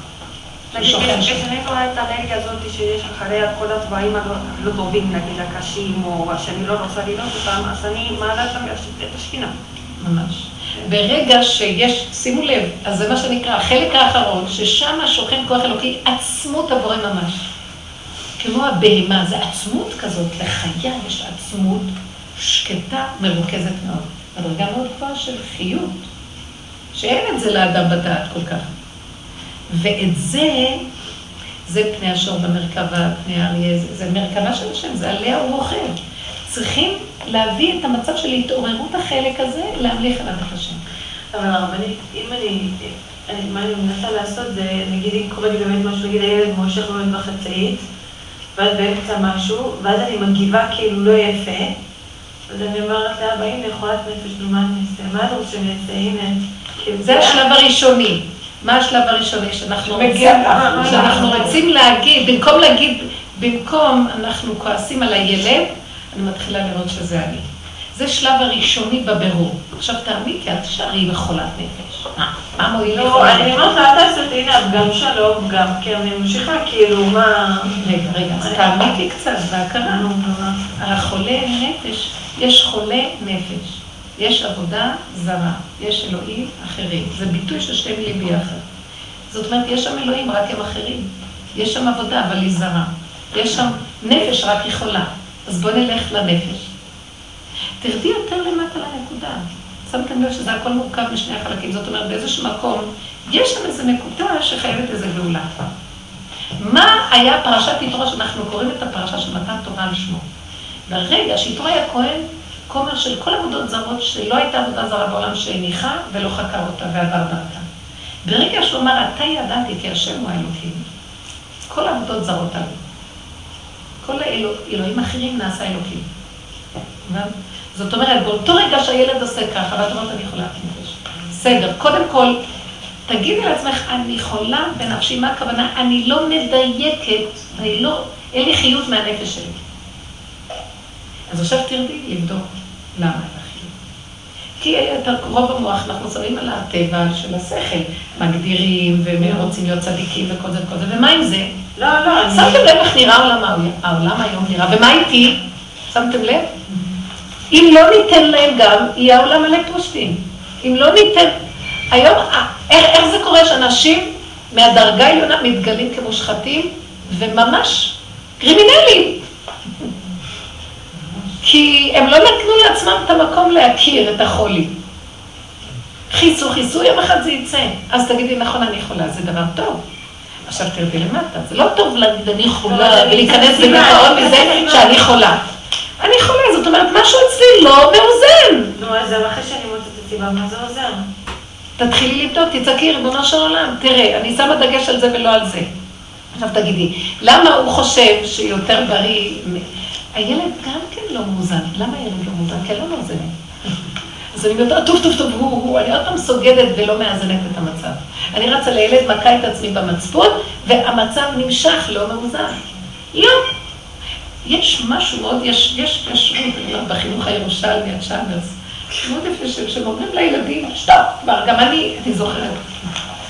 על רבי אחד שירושלמי, שהילד שלי למד אצלי. אז הילד שלו, הוא סיפר לילדים, לא יודעת, הוא תמיד נתן להם פרשיות השבוע עם כאלה... אז גמליאל, שמעתם עליו כזה, מחנך דגול, בטמן. משהו מיוחד. אז הוא מספר שם, ואני דיברתי עם מישהו, הילד שלי נתנד לי, אבא, תלמד איתי, אבא, תלמד איתי. נו, זה דבר יפה, אבא, תלמד איתי, תפסיק עכשיו לדבר עם מישהו. אז אני אמרתי לילד, אני לא רוצה עכשיו ללמוד איתך, כי אני מדבר. זה חשוב. מה, בגלל שעכשיו אתה רוצה ללמוד, אני חייב הרגע ללמוד איתך? איך הוא אמר את זה כל כך יפה? על יד הילדים, הוא מביא להם איזה עניין. כאילו, מה אתם מנדנדים? כל מה שאתם רוצים, ואפילו אם זה ערך עליון, אז מיד כולם יגידו, אה, כן, כן. באמת, כרגע זה לא מתאים לי. יש לי כרגע דבר חשוב, שאני חושב ושוקל שזה חשוב. גם זה השם. איש אמת כזה, כל כולו. הוא כל כך התווה לילדים שלי, ראיתי דרך, הגויים עמדו אצלו, של, של אמת ופשטות ישרה במידות. לא צדקות כזה, אה, כן, כן, כן, כן. אה, תודה, תודה שאתה רוצה ללמוד, מיד אני באה אליך. שתוק. עכשיו אני עסוק פה, תלמד לבד עכשיו. רגע, הרבה... כי הילד בא להתחנף לאבא, אני רוצה ללמוד, אה, אני צעדי. אז הוא קלט את זה, אמר לו, שב ללמוד לבד רגע, אני לא יכול עכשיו. פשטות כזאת מתוקה של... לכן הבני ברקים לא רוצים, אה, לא אוהבים את הירושלמים כאילו. לא, הבני ברקים זה... אה, תמיד דגש על הדת של הנקודה, ומלא יצורי מצפון ומלא יצורי ניקוד. טוב, זה סגנון, כאילו, זה בא לי קצת יותר, איך אומרים, איך קוראים לזה? מה?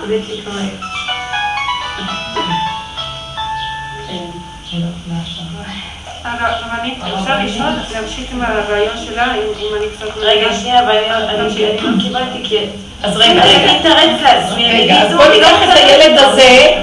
את באה ואומרת, אה, טוב, טוב, הילד, את אומרת, לא, אני חולת נפש. בכלל לא. תראו לכם שרב בטמן היה אומר, אני חולה נפש. לא, אני לא, אני לא, אני אומרת... רגע, הוא ראה, הוא הסתכל באמת שלו, מה שאנחנו הולכים עם המסכנות ואנחנו מכים את עצמנו, זה המצפון של הדעת שהתגברה עלינו לא בצורה נכונה. אני בכלל אני אומרת... אנחנו לוקחים את הערך החיובי ומוחלט, ממליכים את הערך החיובי מוחלט. לא, ערך חיובי ביחס לזמן ומקום ומצב ונתון, לשקלל אותו. זה אמת יותר גדולה, זה, זה דין, עושים משפט פה, השם אוהב משפט. שופט כל הארץ לא יעשה משפט. כאילו, בצדק, אנחנו צדק משמיים נשקף. לא, ומה עם ארץ? אמת מארץ תצמח, יש כאן נקודה, יש לי צורך, יש לי נקודה, יש לי גם איזה לחץ שמופעל עליי, ואני לא יכול עכשיו לוותר על הכל ולעשות מה שאתה רוצה, למה? בגלל שהערך של התורה יותר, הערך של התורה שייך ביחס לזה וזה וזה וזה. ועכשיו השם הולך בתורה מצד זה ומצד זה ומצד זה. המלכנו אותו בדעת, שמתם לב מה קרה? הרמנו את הרגליים, את הידיים, את היצרים, את הכל שמנו שם. והם נשארו ערומים, כאובים, ואין להם אב ואם, וצריכים לרדת, ושמה לקיים. וזה חינוך אחר. ילדים מקבלים חוזק מזה, כשהם רואים הורה חזק, בלי בלבול, ושיודע את הנקודה שלו, והגבול, הילד לומד גבוליות, רגע, ילד לומד גבוליות, לומד לכבד, לומד להתאפק, לומד גם להבין שכשיש לו איזה ערך בדעת, הוא צריך גם עוד נתונים כדי להביא אותו להתממשות אמיתית. כולם היום עפים ומשתחווים לדעת. ומה עם שאר הדברים? גם שם יש אלוקות, שהיא רעבה וצמאה לגילוי. זו חוכמה הרבה יותר גדולה, והחכמים האמיתיים שמביאים להם איזה פסק בהלכה, הם משקללים את כל המצבים, ושימו לב, אחד יגיד, מה הוא אמר לך? מה הוא אמר לך? מה שהוא אמר לי, לא מתאים לך.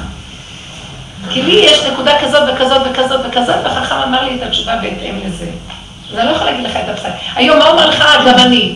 לא. אצל רבו שלא היה כזה דבר. אי אפשר היה להגיד מזה שגם אני אעשה ככה. זה ככה כי יש לנו תמיד כאלה כאלה, וזה ככה כי יש. לקחת את הכלל של התורה ולהכניס אותו למדרגה הכי הכי הכי הכי עד למטה להתחשב בכל הנתונים, זה המלאכת השם ממש. עכשיו התורה מתגלה גם מלכותו בכל השם. לא רק בשכל של הדבר, והגלות גרמה לנו שכל. אנחנו בשכליים הנבדלים. כי אנחנו לומדים את זה מאומות העולם, שהיינו כל כך הרבה בגלויות של אומות העולם, ואומות העולם סוגדים למלאכים, לשכליים הנבדלים, וככה אנחנו חיים. אבל, אבל תורת ישראל זה שכינה בגלות, כאילו תורה שבעל פה בגלות. בואו בוא ניכנס פנימה יותר, וכאילו מפחדים. ואני נכנסת, אני אומרת, זה לא שאני אוכלת את עצמי, אוי אוי וזה, אני יכולת, ממש לא. אני אומרת לה, אבל הוא בא לי להיות לבד, בא לי ללכת לתאיר, לא אוהבת אותם, לא רוצה אותם עכשיו. כאילו, הנה, אני אומרת לה, כן, כן, שמה. כאילו, אני ממש לא, לא אה, מפוחדת, וזה ההפך, כאילו, אני לפעמים יותר מדי נותנת לעצמי... אז צריך לאזן גם. זה כל העבודה שלי, כל הזמן לבדוק אם אני לא יותר לב הפקרתי ואני בהפקרות. ונניח שאני בהפקרות. בואו ניקח את שני הצדדים, איך לעבוד עם זה. נניח שאני בהפקרות, אז אני אומרת לאבא, אני בהפקרות, אני לא יכולה אפילו לעצור, אם אתה לא תרחם למה יהיה עם זה. אני שם עין על ההפקרות. אני לוקח את ההכרה וחודר איתה לדרגות השונות של ההפקרויות שלי.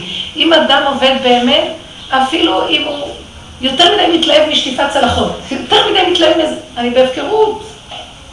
אז תרחם עליי, כי הטבע מושך אותי לענה, אבל אבא זה אתה, זה אתה, ואומרת לו, אבא זה אתה, זה אתה שם, זה אתה, זה החיות שלך. אני עושה את זה לך, כי אם תשאיר את זה לי, אני בלי גבול ואני בהפקרות. אתה יכול לסדר את הגבול נכון. אני לא. תרחם עליי, תחזיר אותי לגבול נכון. מדברת יותר מדי, תחזיר אותי לגבול נכון. מתרגשת מדי, תחזיר אותי, אבל אני איתו. אז אם אני בקודם, עכשיו אני בצדקות יתר. כמו שהיא עשתה, היא ראתה שהיא בצדקות, היא רצה מצד הצדקות כל הזמן לכותל. אז, אז צריך לדבר איתו, מה הוא יגיד לה? יביא לה מחשבה. מה יגיד לה במחשבה? תעשי הליכה, היא אומרת, איך קוראים לזה? ג'וגינג. ג'וגינג? תעשי ג'וגינג אה, בדרך, ותאזני את המצב. כי מה הוא רוצה להגיד לה בשלב הראשוני? ההליכה שלך לכותל זה בשבילי כמו ג'וגים, מה, כמו התעמלות, מה ההבדל? שימו לב איך שהאמת נדרשת פה. אז את צריכה להגיד, אבא, כמו שאתה נמצא בכותל, ככה גם אתה נמצא בהליכה, אתה נמצא בכל מקום. למה אנחנו בכלל הולכים לכותל? בואו נפרק את זה. של פעם דיבר על זה. דוד המלך עשה את עצמו אבן. מה זה אבן? אין לו שום ביטול להשם. אתה שם אותי פה, אבא זה אתה. אתה שם אותי פה, אבא זה אתה. לך לכותל, אבא זה אתה. אני הולך עליך, זה אתה. הכל זה אתה. מה ההבדל בין זה לזה? אז הוא עשה את עצמו אבן, ועל זה הוא אמר, אבן מעשו הבונים הייתה לנו שפינה. הם מסתכלים עליי ואומרים, תראו, בן אדם זה אין לו דעת, לא יודע להבדיל בין זה לזה. זה כותל, זה הליכה. איך הוא עושה ששניהם זה דבר אחד? כי הם רואים בטבע, ובטבע באמת יש מדבר לדבר יש יתרון זה על זה, אבל כשאת ממליכה את השם, אין יתרון על כלום. כשאת ממליכה את השם, אין לך שום יתרון על שום דבר. אז הוא היה בהמלכת השם מתמדת ולא היה יתרון. אז הוא עשה את עצמו אבן. עכשיו כשהוא בנה את ה... רגע. לא, אני חוזרת. כשהוא בנה במצב הזה, הנפשי שלו, איפה שהוא היה בהכרה שלו, בנה את החומה הרביעית, שזה מה שהיום הבסיס של הכותל. בנה 18 אמות מלמטה, הוא מניח את הבסיס, כן, עם מי השתייה, מה שנקרא אבן השתייה, שעלו המים וזה. אז הוא בנה משם 18 מטר, יש לה חומה ביסוד שלה, את הכותל. עכשיו, אבן בנתה את האבן. האבן הזו נשארה נצחית. הוא היה אבן של השם. עכשיו בואו פירקנו עכשיו מה זה הכותל. זה השכינה בנתה, כי הוא היה אבן. עכשיו שכינה, יש שם שכינה. למה אנחנו לא עושים ככה גם? אז כמו שהוא אמר, אתם רואים משה רבנו הקים את המשכן, ועשו לי משכן, שכנתי בתוכם. תעשו גם אתם ככה, קחו את העיקרון, תעבדו. קחו את העיקרון של דוד המלך, תעבדו. נמצא שאני לא רק נמצא שם בכותל המערבי, אני אמצא בכל פינה, בכל סדק שאתם ממליכים אותי, בכל מקום אשר תקרא את שמי אבוא לך. בכל מקום אשר יקרא את שמי. אתה קורא, השם קורא. אתה אומר אבא זה אתה, זה נהיה אבא זה אתה. באמת תתכוון. אתה מבינה מה אני מתכוונת? עכשיו, שימו לב, אז במצב הזה, זה נקרא, השכינה, הכותל, זה האבן. אנחנו עומדים מול אבנים. איזה דבר זה לעמוד מול אבן? זה מסוכן אם אנחנו לא נחייב מה היסוד של כל זה, גם אנחנו לעשות מזה עבודה זרה. זה כלפי חוץ יכול לראות, עבודה זרה, משתחווים לאבן? אסור להשתחוות לאבן, מצבה, לא יודעת מה, מה זה? אבל אנחנו בתוכנו יודעים שזה קדושה. ואנחנו משעבדים את ליבנו בהכרה של השם. מי שיגיע במדרגה יותר גבוהה וימליך את השם גם בחלקים הכי נמוכים, אז הוא יגיד, כי אם המלכתי אותו פה, אני יכולה להמליך אותו בכל דבר, בכל מקום. ועכשיו, אם אני, אם אני חיה ככה, השם יוביל סיבות להוליך אותי לכותל. לא אני רצה עם המחשבה שלי, כי המחשבה שלי אומרת, זה טוב, זה רע, רצה לכותל. לא, אני לא יודעת מה טוב, מה, פתאום אני מוצאת את עצמי ליד הכותל. אבא זה אתה, איזה סיבה ששלח מישהי שבדיוק נסע בכיוון והורידה אותי. אז אבא זה אתה. אז אני הייתי הולכת לכותל. כשהולכים לכותל, כשהולכים לכותל מצד ימין יש את הקניון הזה. והיה לי כוח משיכה להיכנס לקניון, אי אפשר להבין את זה בשכל. יום אחד אמרתי, אין עולם, מה זה משנה איך זה פה? שמתם לב, הם שמו את הקניון מול הכותל? זה הקניון הזה של... קניון? במילה שם, במילה שם. בתוך הקניון יש שאלה ולשם. איך? בתוך הקניון.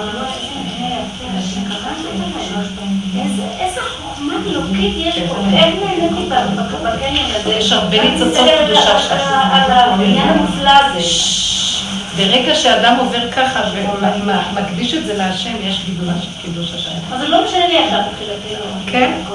מושך אותי. איך הרבי מסלנט אמר קפה הפריזאי הזה? עכשיו אני. שהכל, שהכל נהיה בדברו. ברך על הכוס, ברך על היופי, ברך על העיצוב, ברך על הטעם, ברך על הכל, שהכל, אבא זה הכל אתה. שימו לב, זה, תראו, זו העבודה האחרונה. הבעלי מוסר באמת שהתעוררים בעולם, זה היה... היום הפטירה שלו. היום פטירה של השם. כן, לא. כן. באמת חי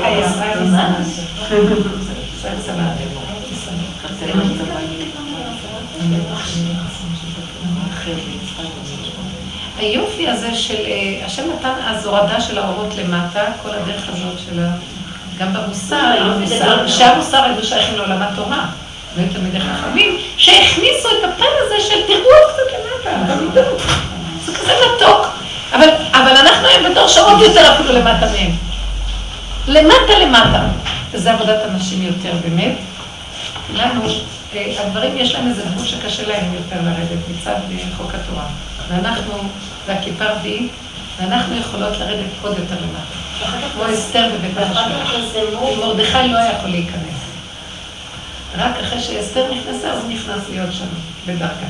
אבל היא הייתה זאת שנכנסה. אחר כך פרסמו בבין השערים אה, פרסומות לא להיכנס לקניון הזה כי הם תלו כל מיני דברים לחג המולד.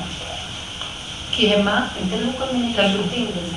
שירתו, אני יודעת. ואני אמרתי, אני לא יודעת, אם אני אלך, אני אלך. זה לי את המוח, זה לא משנה להם. יש שם בעיה, יש שם בעיה אחרת.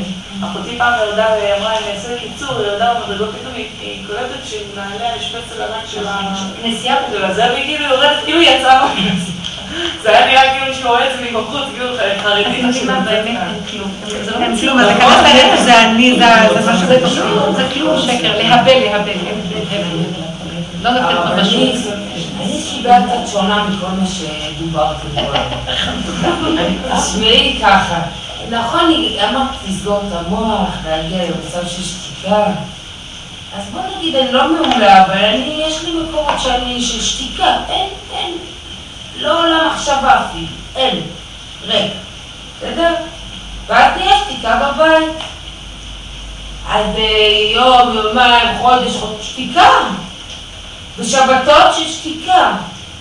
ואז בסוף בעצם נוצר אתמול ממש ריב אדיר באמצע הריב שבחיים אה, לא מזכירים את שמך ובאמצע הריב אומר אמא הרבנית שלך הייתה שלא מתפישר הייתה רואה אותך הייתה מדביקה אותך ככה להתקיל לא כי, אז אני אומרת אתה לא מדבר איתי והוא מה אומר? את לא מדברת איתי וזה נכון, אני לא מדברת, אבל אני רוצה שידברו איתי. שיהיה משהו. ואין, אז מה, כאילו, השאיפה שלך שיהיה לנו בית שותק כזה? והוא לא שתקה, אם היית מכירה אותו, הוא אה, דברן גדול. כן, נכון. שיש מצב. שהעבודה הזאת מכנסת אותנו פנימה, אבל זה לא המטרה שנהיה כמו גלמים, המטרה שנעורר את הדיבור הפנימי להשם, נהיה בערנות של שיחה איתו, כל הזמן. שיחה איתו, ומה היא באה לי? חכי שנייה, חכי שנייה. הדיבור איתו הופך להיות למצב שאת כל רגע בדריכות ובערנות ובעבודה, אין שתיקה. השיחה הקודמת שאתה עם בעלך הייתה שיחה שטחית בלי הקשר הזה הפנימי. אז זו שיחה של אה, הא ודא וגם רעיונות ודעות ומריבות וויכוחים וזה אוהב ככה, לא אוהב ככה, ושם זה הבסיס של התקשורת הזאת הידועה בעולם. כרגע השתקת אותה, ואם את נכנסת פנימה וממשיכה עם הדיבור, אז אה, יש לך דיבור. לא, אל, תיכנסי לשתיקה של אה, המימות. תיזהרו מזה, כן, כי זה מין המומים כאלה. לא, תחיו את זה, תחיו את הדיבור, תחיו את הערנות, תחיו את הדריכות, תחיו את המחשבה, תחיו. צריכים הרבה לעורר את ה... זה התבודדות מתמדת. כך שכשבא אני היום, פעם גם כן היה לי מצב כזה, שהיינו מתווכחים הרבה כי אנחנו דעתניים שלנו, אז היה ויכוחים על בסיס דעתנות. הדת הייתה שולטת בבית, וכל הזמן היה ויכוחים על דעות. דברי תורה כאלה או כאלה, ואז היה מתח ומה שנקרא אה, מלחמת כוחות פנימית שקטה. כאילו בתפאורה של דברי תורה. אחר כך נכנסתי לעבודה הזאת ונהיה שקטה, אה, נהיה שקט ולא היה תקשורת כמעט, אבל היה שקט, לא רבנו, היה תקשורת, שקט. אני מוצאת את עצמי יותר ויותר עם הזמן, מדברת פה על דברים שבחיים לא דיברתי. מספרת לו דברים קטנים מהחיים שלי, וכל מיני שטויות, שפעם הגאווה שלי, לא שאני מדבר שטויות, רק דעות, רק עניינים. בכלל, ראיתי, זו הייתה גאווה כזאת של לא מדברים. לא אני מדברת, מספרת איתו, לא, כי ההיא באה והיא שמה את הנקודה פה, הכל נראה לי חשוב. ואז יש תקשורת, ופתאום, כמו שני ילדים קטנים, גם הוא מספר לי דברים שבחיים לא הייתי חושבת שהוא ידבר. שהוא הלך ובא ונכנס, מה? הוא שתקן בדברים האלה. לא, אנחנו לא דיברנו בענייני העולם. וזה מביא את זה, כאילו, הם לא רוצים יש, זה זה, הם תקשורת בענייני של- העולם, לא נראה לי חבל אה, לפתוח את. כן, זה שלב כזה, זה שלב כזה, כי עכשיו מה שאת עושה, נכנסת לאיזה ערך פנימי יותר, וזה פחות וזה יותר, אחר כך זה משתווה. אחר כך את רואה את השם בכל דבר, וכבר אין את ה... היצריות עברה מצב של אלוקות מתגלה בה, היא כבר לא מתנגחת עם השני, כי היא רוצה אה, להתגאות על השני, והיא רוצה שליטה על השני.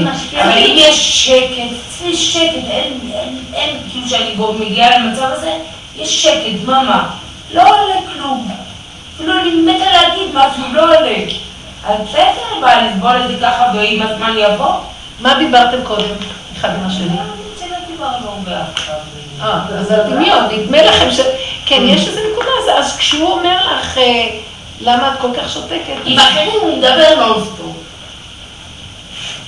ש... לא, כן, אנחנו לא משדרים רצון לתקשורת בשלבים האלה, אני נמאס לנו מהתקשורת השקרית של העולם וסתם שטויות, אז את שותקת כבר, זה זה מנוחת נפש פתאום. כן. פחות לדבר יותר טוב, שהעולם ישתוק קצת. זה תהליך שהעולם חייב להיכנס כן, בו. אבל אחרי זה קצת קשה, האמת, את יכולה להסביר לו בעדינות, אתה יודע שאני מאוד אוהבת אותך, אני אוהבת את הבית, אני שמחה, נוח לי, זה תקשורת שקטה בפני עצמה. הנה המרק, הנה זה.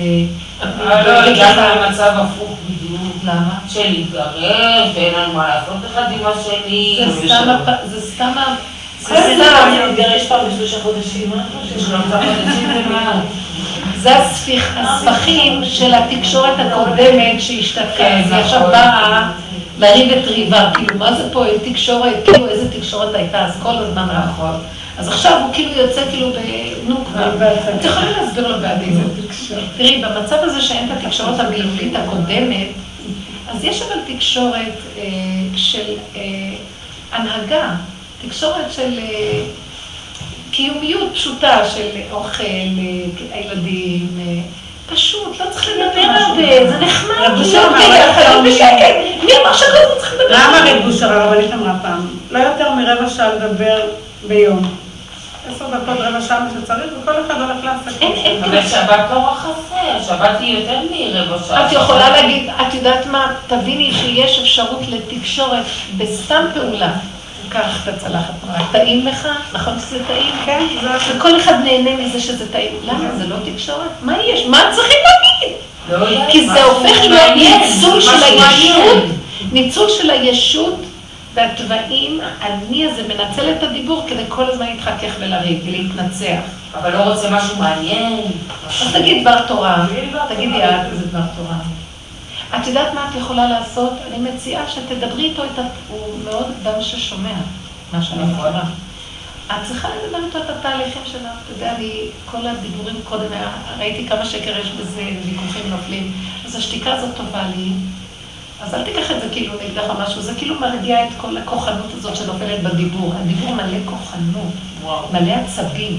הדיבור עצבני היום. נורא. מלא מניפולציות ושליטה. זה שולט, זה נשלט. מסכנים וכאילו מתגברים. אנשים משתמשים בדיבור לא נכון. הדיבור הוא כאילו ההוצאה לפועל הסופית. אז חבל לדבר את זה ככה. עכשיו צריכה לדבר רכות. ספרי לו את התהליך שלך לעבודה, זה גם שיחה, זה גם מצע לשיחה. כן, אני, אני באמת השתתק לנו הדיבור הקודם שהיה, אבל שמת לב, אנחנו כבר לא כל כך יודעים. אבל תדע, אז יש תקשורת. תראה, אני...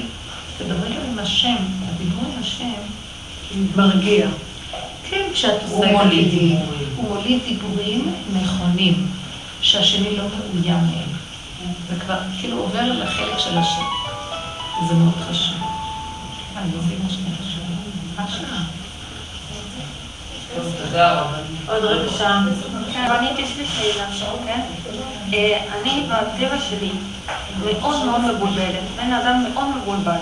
ממש לא יודעת מה ימינה, מה שמאל, מה כן, מה לא, הכל מבלבל אותי, יכול להיות דעה כזאת, יכול להיות דעה כזאת, אומרים לי ככה, אז יכול להיות שזו ציבה, והשני גם כן, ו- טוב. זה, לא, לא, לא, זה ממש, זה, יש לו את הצד המאוד חיובי לזה, אבל גם כן, נגיד, ההרגשה זה תמיד שלא יודעים איפה עומדים, ממש לא יודעים איפה עומדים.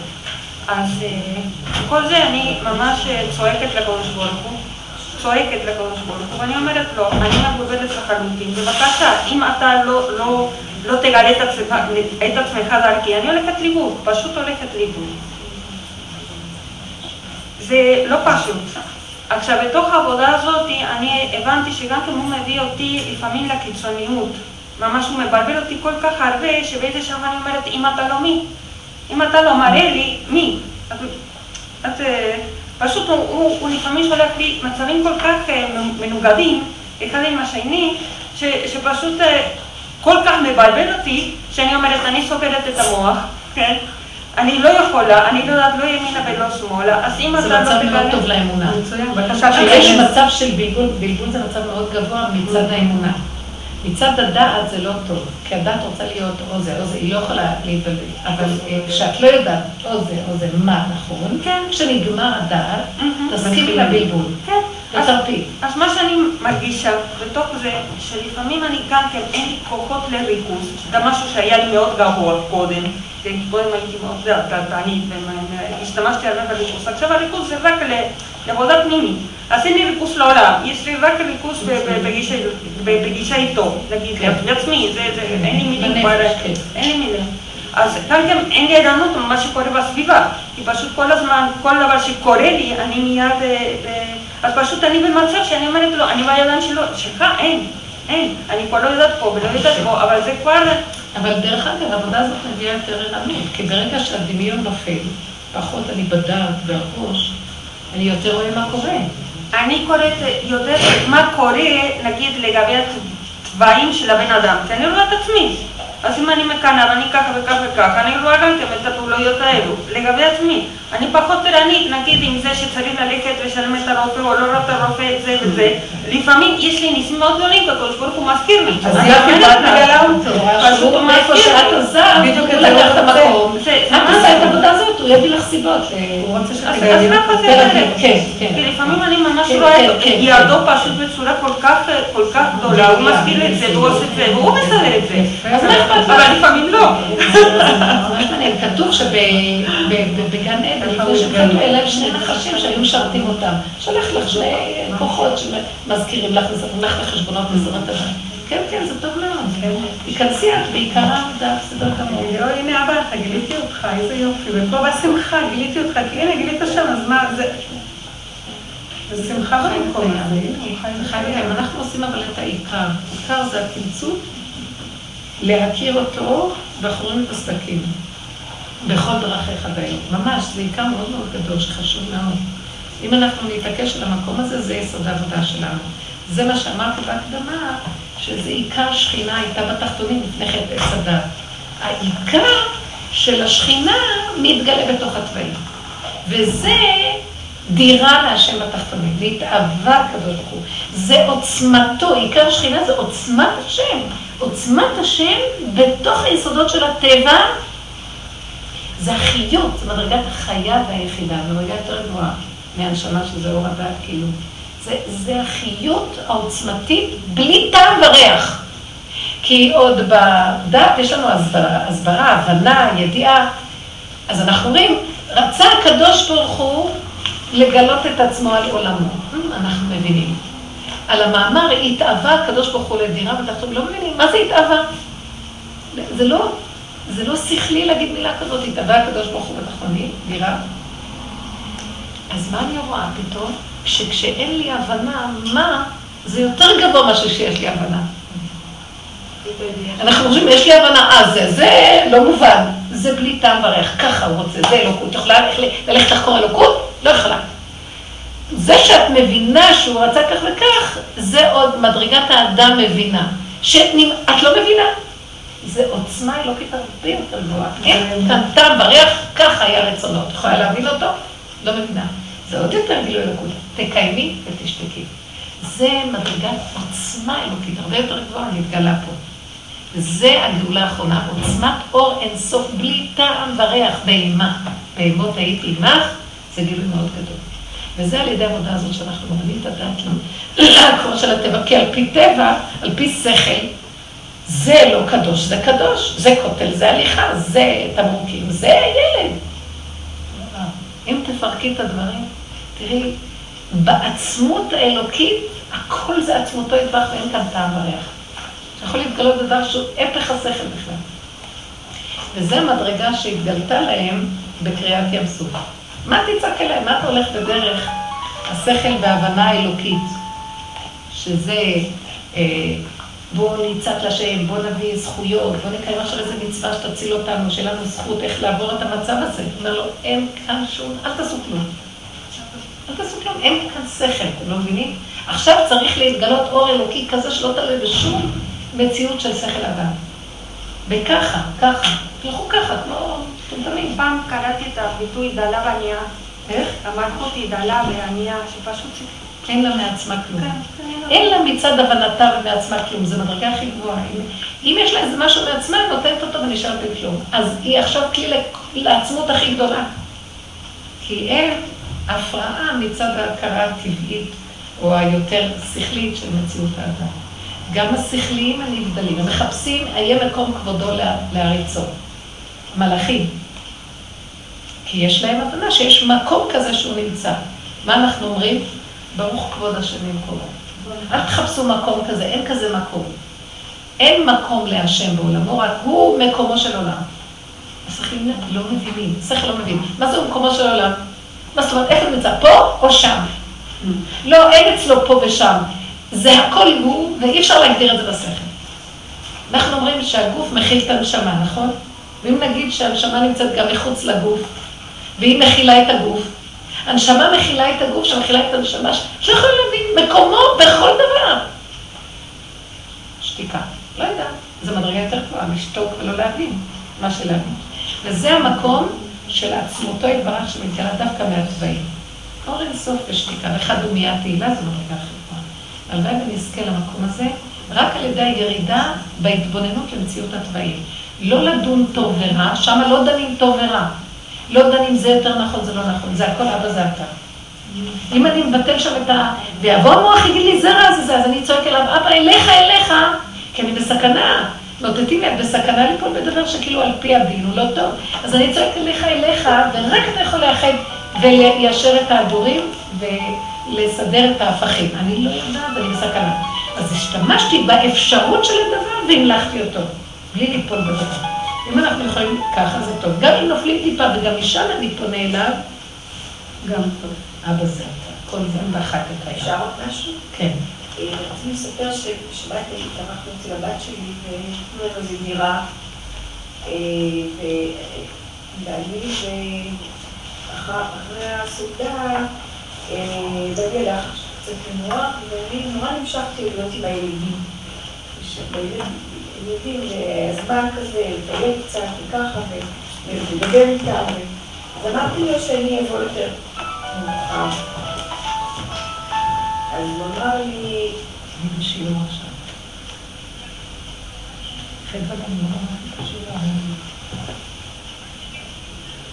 מאה אחוז. תגידי איפה תהיי. וואו, גשם, גשם. ברוך השם.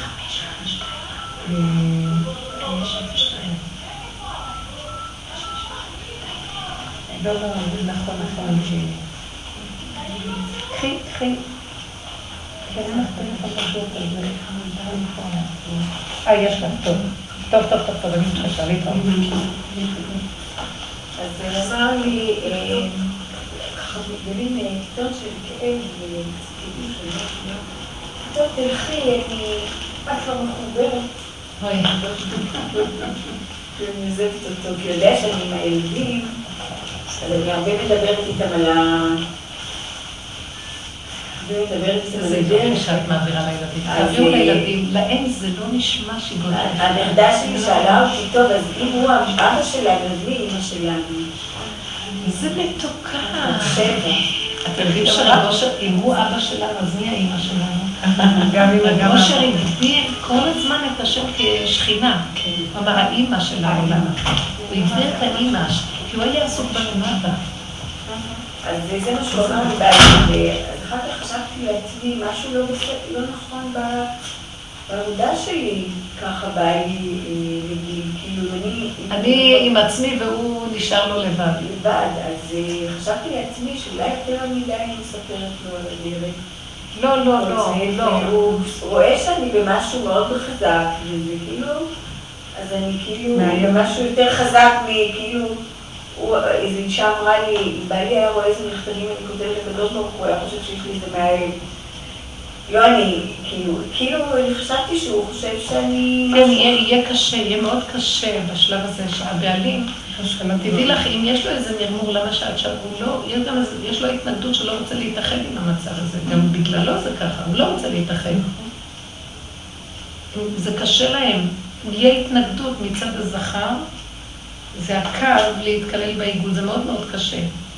אם את רואה שזה מאיים וקשה, תשתקי, ברבות הזמן אני רואה דבר מאוד מעניין. בלי לדבר, בלי כלום, יש אה, התקללות. השם מחבר בשקט.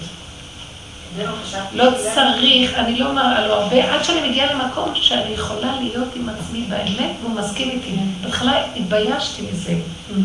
כאילו הרגשתי ש... איך אני נראית בעיניו, וכל מיני, הסתרתי, ניסיתי קודם כל לגייר אותו לעניין, לא עזר. כן. התנגדות, אז שתקתי ובאתי בפנים. ואחר כך ראיתי שנגיע לי ביטחון פנימי אמיתי, כי זה הכל שקר הפחדים שלי ממנו, ומה הוא חושב ולא חושב וזה, זה כלום. הוא כזה צדיק, מה, מה אני כאן? רק הדמיונות שלי. ולא נתתי לו משקל בכלל, אל תתני משקל, מה איתו, לא איתו, מה אכפת לי כלום. אני, בריכוז של הנקודה, אני רואה איך הוא נשאר לתוך המצב הזה של האמת. ברוך השם, אני גם לא רוצה לגוע, הוא בעולם התורה, זה טוב מאוד, שישב בעולם התורה. חוץ מזה, בעולם ההנהגה, באמונה, זה משפיע טוב. כן. הבית נהיה יותר טוב, נהיה רגיעות, מתיקות, ערבות. כל אחד כמו. ילדים קטנים, כל אחד בנקודה שלו, אבל כמו ילדים קטנים, זה לא סותר שום דבר, זה תהליך. זה תהליך. אני אני חושבת שאולי תסתירי קצת בנקודה הזאת. זה גם שהוא שלח אה, אימא של מישהו שלומד איתו, שסיפר לו על יעל הזאת, כן. אז הוא סיפר לו על אימא שלו המתלמדת, אז הוא אמר, תשלח אותה לרבנית. לא, כן, אבל הם רוצים, הם רוצים. זה קשה להודות, זה קשה. אנחנו יותר פתיות בקלות. מדברות עם השם. הם לא מבינים, אצלם זה מה זה השם שאני אדבר איתו ככה? יש סדר, יש לא, חפץ תפילות. חיים אומר רק לדבר עם השם. לא לדבר חפץ חיים. רק עם השם. אבל כן, הוא היה היה שהוא השיל, הוא הכניס את כל הדעת תורה למצב של מידות וטבע. ואילו הגברים עוד נשארים בטבע, והם רואים כזה דבר, זה שיגעון. קשה להם. רק מתי דיבור? דיבור בגמרא, בסדר. דיבור. בזה, בסדר. דיבור מתוך אה, דיבור עם עצמי, לפעמים האישה משדרת, אני קצת יותר ממך באמונה. זה סכנה. נכון, נכון. אסור בכלל לא, לא להפנות את העבודה אליו, לעצמך. אם את רואה שזה מעליו, להפנים את זה פנימה. עבודה. אני אגיד לך את האמת, בהנהגות שאני מדברת עם עצמי הרבה, אני בודקת. את לא פיירית עכשיו. נראה שאת קצת חושבת שאת יותר. אני עושה חשבון. כן, כן, כן. זה לא יפה נכון. נכון. או למה את מנצלת את המצב הזה, כאילו, לא, זה לא יפה. את משתמשת בזה לא נכון, זה גאווה. אנחנו מפרקים. נכון. זה מרגישים את זה, בסוף נהיה שקט, רגיעות, בסוף נהיה כבוד, בסוף נהיה אפילו מצד ההתמעטות שלך. רבנית, אפשר לספר משהו מתוק?